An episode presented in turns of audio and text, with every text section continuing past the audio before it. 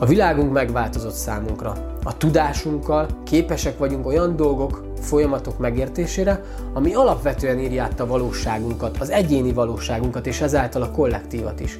A személyiségfejlesztés, az önismeret új dimenziója nyílik meg a kvantummechanikai felfedezésekkel, hisz mi emberek ugyanazon alkotó elemekből épülünk fel, és ugyanolyan csodákra vagyunk képesek, mint ezek a kvantum részecskék. A világunkat nem véletlenül hívom holografikus, holisztikus multiverzumnak,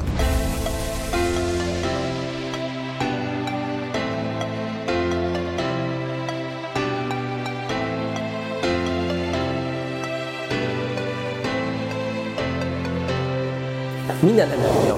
Nem csak a tudomány kedvelőinek szól ez az alapelv, hanem úgy gondolom, hogy mindenki számára fontos, hiszen nélkül nem lenne kerek az édem. Szerencsére a tudomány, azon belül is a kvantumfizika és a kvantummechanika jelenállása is már mindazt alátámasztja, amiről beszélni fogok. Erős alapként, táptalajként igazolja tudományos oldalról mindazt, amiről az édem szól. Bátran kérdőjelezd meg azt, amiről beszélek, írd felül, forgasd meg, ha kételkedsz, csak ne zsigerből utasítsd el, hanem járj utána, győződj meg róla, hogy az, amiről beszélek, az tényleg úgy van-e. A hinduizmus egyes iskoláiban a valóságunkat, ezt a világot majának nevezik. A maja szó jelentése illúzió. Illúzió akárcsak a Matrix című híres film idézete, melyet Morpheus mond Neónak. A Matrix mindenütt van. Körülvesz minket. Még most ebben a szobában is. Azt látod, ha kinézel az ablakon, vagy ha bekapcsolod a tévét. Mindig érzed, mikor munkába mész, vagy épp templomba mikor befizeted az adót. Ez a világ, melyel eltakarják szemed elől az igazságot. A tudomány az emberiség nagy útkeresője. A tudósok, pionírek, akik kutatják a világunk működését, hogy nagyobb megértésünk legyen a körülöttünk zajló eseményekről. A tudomány a tévedések és korrigálások művészete, ami a világot előre viszi. A kvantumvilág létezése napjainkban hatalmas erővel rombolja szét az egész ismert valóság működését. Mondhatni, veri bele a szögeket a newtoni fizika koporsójába. Ami így van rendjén, hisz ez a fejlődés. Ahogy egykor a repülés sem tudta elképzelni a tudományos világ nagy része, úgy ma is vannak olyan területek, amiken néhány vakmerő és merész tudós kalandozik. Vagy ugye arra is emlékszünk, amikor azt mondták, hogy a 100 km per órás sebességet az emberi szervezet nem képes elviselni. Aztán jöttek és bebizonyították, hogy ez mégse igaz. Tehát ezeknek a pioníreknek, ezeknek a vakmerő, kalandozó és merész tudósoknak köszönhetjük a kvantumfizika új dimenzió, azt, hogy új, a kvantumfizika meg a kvantummechanika új dimenziót nyit meg számunkra. Ráadásul azt lehet tapasztalni, hogy a, ez az újfajta kvantummechanika, kvantumfizika, ami persze azért nem újfajta, mert már nagyon régóta létezik, de hogy a jelen felfedezéseivel egyre inkább közeledik ahhoz a spirituális gondolkodáshoz, amiről egyébként az édem is szól és így kiválóan alátámasztja bizonyítékokkal a belső működésünket, és azt, hogy mi is ez a valóság, amiben jelen vagyunk. Nézzük akkor, hogy mi a kvantumfizika. Az anyagot alkotó részecskék természetének és a ráható erőknek a vizsgálatával foglalkozó tudomány mondja a Wikipédia. Ha szeretnéd megérteni, hogy az elektronok hogyan mozognak a számítógép chipben, vagy a fény fotonjai hogyan alakulnak elektromos árammá, akkor a kvantumfizikára van szükséged hozzá. És mi akkor a kvantummechanika?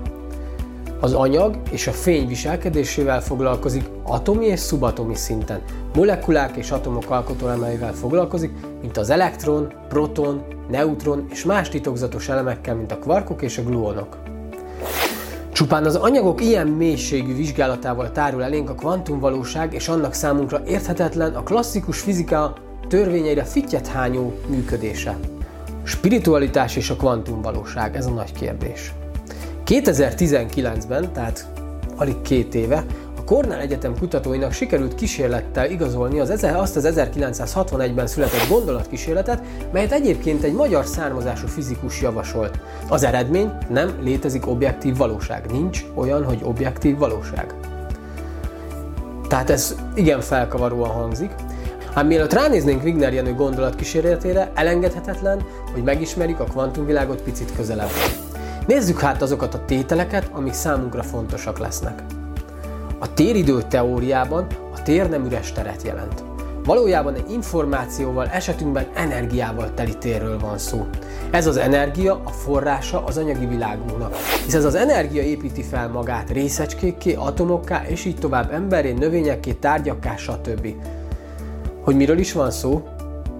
Nézzük meg konkrétan. A kvantummechanika igazolta, hogy a minket körbevevő tér felfoghatatlan mennyiségben tartalmaz energiát. Másrészt a légüres vákumnak gondolt űr egyáltalán nem üres, hisz ez a hatalmas mennyiségű energia jelen van benne. Az űr ott van mindenhol. Az atomok nagy része is űr, és az a pici vibrálás, amit az anyagi világnak nevezünk, nem más, mint elektrostatikus mezők interakciója. Tehát amit szilárdnak érzékelünk, az valójában egy interferencia. A vákumfluktuáció az energia. Minden helyzetben jelen van, akkor is, ha egyetlen molekula sincs a térben. A vákumfluktuációt nem létrehozzák bizonyos körülmények között, vagy megfelelő paraméterek mellett, megfelelő vákumkondíciók által, hanem lényegében az űr rezgése. Legyen szó intergalaktikus űrről, csillagközi űrről, molekuláris struktúrában található űrről, az atomok közötti űrről, vagy az atomon belüli űrről, vagy akár a részecskékben lévő űrről. Mindegyikre ugyanúgy elmondható, hogy ugyanarról az űrről van szó, és ez az űr rezeg, vibrál, elektromágneses fluktuációval. Nézzük el ez alapján, hogy akkor kik is vagyunk mi. Nassim Haramein fizikus fogalmazza meg a következőt. Kvantummechanikai szempontból vicces dolog azt mondani, hogy én. Hisz ha mindez igaz, és az űr telített végtelen számú lehetőséggel, akkor minden más is végtelen benne. Akkor azt mondani, hogy én, ez egy picit zavarba ejtő. Hisz amikor azt mondom, hogy én vagyok, akkor ki vagyok? Vagy én, én vagyok, aki vagyok? Vagy akkor milyen érre gondolok? Az én az összes sejtemet jelenti? Vagy az összes atomomra gondolok? Aztán az összes sejtemre? Vagy az összes protonomra? És így tovább. Valójában nem igazán találhatod meg a végét vagy a kezdetét az énnek. Nem oszthatod el a végtelent, és ha arra gondolsz magaddal kapcsolatban, hogy végtelen potenciállal rendelkezel, akkor az talán egy pontosabb megértést ad magadról, mintha a sejtjeid felhalmozódására gondolsz, ami sok évvel ezelőtt összeállt, és szét fog esni majd az eljövendő években. Talán nem egy pontos megfogalmazása annak, hogy ki vagy valójában az univerzummal való kapcsolatodban, mint teljességgel a legmélyebb szinten. Ugye ez is egy érdekes ellentmondás hoz fel, hiszen arról beszélni, hogy a sejtjeim összessége vagyok, ami majd egyszer elpusztul, ugye ez a halandóság, és ezzel szemben ugye, amiről mondjuk itt Nassim Haramein is beszél, az egy teljesen más szemlélet és egy teljesen más nézőpontja annak, hogy kik is vagyunk mi valójában. Talán te vagy az egész, megszemélyesítve saját magaddá. Tehát amikor azt mondod, én, akkor igazából csupán csak egy részét fejezed ki önmagadnak. Vannak olyan szinteken részeid, amiken nem vagy tudatában, mert nem érthetjük még ezeket a mélységeit a valóságnak. Ha a hit úgy magyarázza meg mindezt, hogy van egy Isten, aki megfoghatatlan, láthatatlan, és mi az ő gyermekei részei vagyunk, ám ő bennünk is él, és jelen van, akkor azt nézhetjük egy érdekes egybeesésnek, ugye? Ahogy már elmondtam, nem célom a hit és a vallás világát a tudomány világával összefésülni. Erre nálam sokkal rátermettebb szakemberek már vállalkoztak, és rengeteg ilyen ö, anyag található az interneten. Tehát elválaszthatatlan és megkülönbözhetetlen részei vagyunk ennek az űrnek, ennek a végtelen vákumfluktuációnak, amiben hatalmas mennyiségű energia van jelen. Nassim Haramein ezt a végtelen energiát tudatosságnak hívja. Tehát a tudatosság nem bennünk létezik. Mi csupán antennák vagyunk, és nem mi magunk ö, hozzuk létre a tudatosságot. Mondhatnánk úgy is, hogy a tudatossághoz csatlakozunk. Az érzelmeink frekvenciák, hisz rezgésük. Így az érzelmi állapotunk hangolja be az antennánkat, és ezáltal azt is, hogy milyen valóságot teremtünk magunknak. Az érzelmeink megváltoztatják a vegyületeket a testünkben, áthangolnak egyik frekvenciáról a másikra. Ebből következik, hogy a mező és köztet kölcsönhatás van. Amit kiküldesz a mező számára, azt küldi vissza számodra. A vonzás törvénye ezért így igaz. Nem azt vonzod, amit akarsz, hanem azt vonzod, ami vagy. Ha megfelelő ideig vagy képes fenntartani egy bizonyos frekvenciát, akkor az meghatározóvá válik. És ezáltal megtörténik az a teremtés. Na de nézzük meg, hogy ez a, ez a végtelen energia, ez, ez, ez lényegében ez ugye a vákumfluktuáció, vagy kvantumvákum, ez milyen sűrű, tehát mekkora mennyiségről beszélünk. A Planck hossz, a létező legkisebb hosszúság nevét Max Karl Ernst Ludwig Plancktől kapta, A Nobel-díjas német fizikus lényegében a kvantummechanika megalapítója. Einstein mellett neki is köszönhetjük a modern fizikát. A Planck továbbá a legkisebb rezgése az elektromágneses mezőnek, tehát a vibrációt is jelez. Mekkora ez az elektromágneses fluktuáció, vagy ingadozás, vagy elektromágneses hullámzás? Nagyon izgalmas lesz. Ha egy atomot kinagyítok egy foci stadion méretére, tehát egy atom az egy foci stadion mérete, akkor a proton a pálya közepén olyan pici, mint a gombos tűhegye. Na de mi a helyzet a Planckel? Ha a Plancket felnagyítjuk egy homokszem méretére, akkor az imént említett proton átmérője a napunktól az Alpha Centaurig tartana, ami 40 billió kilométer. Ilyen pici egy Planck valójában. Ez szinte felfoghatatlan méret. Az űrt űrnek hívjuk, közben meg tele van ezzel az energiával, ezzel a hullámmal, ezekkel a plankekkel. Milyen érdekes így a, egyébként egyáltalán az anyagról beszélni, vagy anyagi világról. Amikor egy atomnak 99,99999 százaléka űr. Tehát a mi valóságunkat, a ruhádat, az otthonodat, az autódat, téged is belértve 99,99999 azt hiszem tízezred százalékban ez az űr tesz ki. Tehát vákumfluktuációból, azaz rezgésből, energiából állsz 99,99999 százalékban. Apró vibrációkból, plenkökből tevődik össze az anyagi világ szinte egésze. Csupán egy nagyon pici elektromágneses vibráció, amit az anyagi világnak nevezhetünk.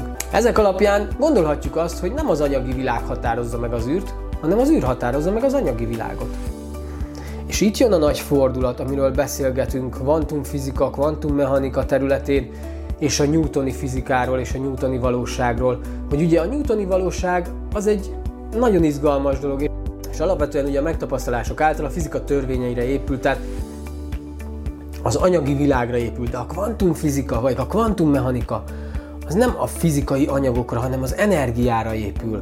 És tulajdonképpen kőkeményen azt látjuk, amit már egyszer megtapasztaltunk sok száz évvel ezelőtt, hogy amikor régen azt mondták, hogy a Föld körül forognak a bolygók, aztán Galileo bebizonyította, hogy a bolygók igazából és a Föld is a nap körül forog. De most is ugyanerről beszélünk, hogy beszélünk egy newtoni fizikáról, és beszélünk egy newtoni fizikában működő fizikai törvényekről és rendszerekről, amiből aztán, hogy elindultunk a mélységeket felfedezve Max Planck, Albert Einstein, és még sorolhatnám Wigner Jenő, és még számtalan tudós és kutató az elmúlt 50-60 évben, eljutott arra a pontra, amiről most itt beszélgetünk, és amiről egyébként Nassim Haramein fizikus is beszél. Méghozzá arról, hogy apró vibrációkból, plankekből, te, plankekből tevődik össze az anyagi világ szinte egésze. És ez a plank, plankekből álló hatalmas méretű energia valójában felfoghatatlan mennyiség. Képzeljük csak el, hogy mennyi ilyen apró plank fér bele mondjuk egy köbcentiméternyi kockába. Tehát mekkora a sűrűség ennek a plankekből épülő vákumfluktuációnak, amit űrnek nevezünk, ha berakunk ugye egy köbcentiméter kockába. 10 a 93. gram per köbcentiméter a vákum sűrűsége, ez hatalmas. Ha az univerzum összes csillagát besűrítjük egy köbcentiméter űrbe, a sűrűsége szintén egy óriási szám lesz, 10 az 55. ilyen gram per köbcentiméter, ami szintén felfoghatatlanul hatalmas mennyiség, mégis nagyságrendekkel elmarad a vákum sűrűségétől. Ezt nevezzük mi űrnek vagy üresnek. Már a vákumfluktuáció mérhetővé vált laboratóriumi körülmények között, és ezt igazolni is tudták a Kasimir hatáson keresztül. Sőt, a dinamikus Kasimir hatással képesek voltak a kutatók az üresnek hitt térből protonokat is kinyerni. Újra elismétlem, mert alapvetően ez a legfontosabb üzenet. A világunk megváltozott számunkra. A tudásunkkal képesek vagyunk olyan dolgok, folyamatok megértésére, ami alapvetően írja át a valóságunkat, az egyéni valóságunkat és ezáltal a kollektívat is. A személyiségfejlesztés, az önismeret új dimenziója nyílik meg a kvantummechanikai felfedezésekkel, hisz mi emberek ugyanazon alkotó elemekből épülünk fel, és ugyanolyan csodákra vagyunk képesek, mint ezek a kvantum részecskék. A világunkat nem véletlenül hívom holografikus, holisztikus multiverzumnak. Nézzük akkor azt, hogy tulajdonképpen mi is ez az anyagi világ, vagy mi hogyan épülünk ebbe föl.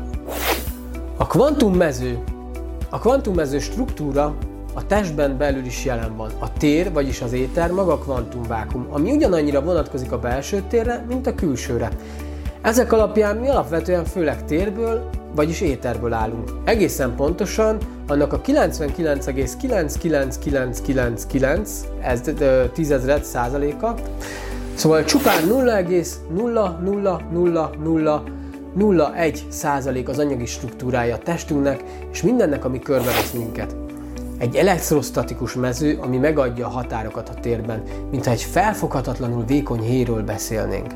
Tehát amikor egy részecskére gondolunk, akkor nem egy kis golflabdára kéne gondolnunk, hanem sokkal inkább egy szappanbuborékra. Hisz egy kis keretről, elhatároló vonalról beszélünk a tér, a tér struktúrájában. Tulajdonképpen csupán egy elektrostatikus héj, nem több. Ebben a harmadik dimenzióban már nem így érzékeljük az anyagi világot és saját magunkat, mégis nagyon fontos lenne, hogy tudjuk, hogy ez így működik, és lássuk azt, hogy igazából mekkora ereje van a tudatnak, na meg majd a szívnek, és hogy hogyan tudja felülírni a valóságot. Pont azért, mert egyszerűen nem létezik az a fizikai valóság olyan szinten, mint ahogy azt mi tanultuk, meg megéltük. És hogyha a tudatunkat erre kondicionáljuk, illetve majd a jövőbeli generációk már sokkal egyszerűbben, sokkal egyszerűbben tudják majd erre kondicionálni a tudatukat, hiszen ők már alapvetően egy olyan valóságban fognak létezni, ami, ahol ez már nagyon jelen van ez az ismeret, akkor teljesen más hogyan fogjuk megélni ezt az egész valóságot.